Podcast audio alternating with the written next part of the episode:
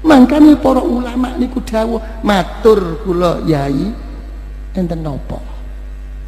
Wong kula niku kathah dosa teng Gusti Allah. Balak-balik dosa. Kagem kula niku sing sae niku dos pundi? Napa kula niku istighfar? Nggih ta?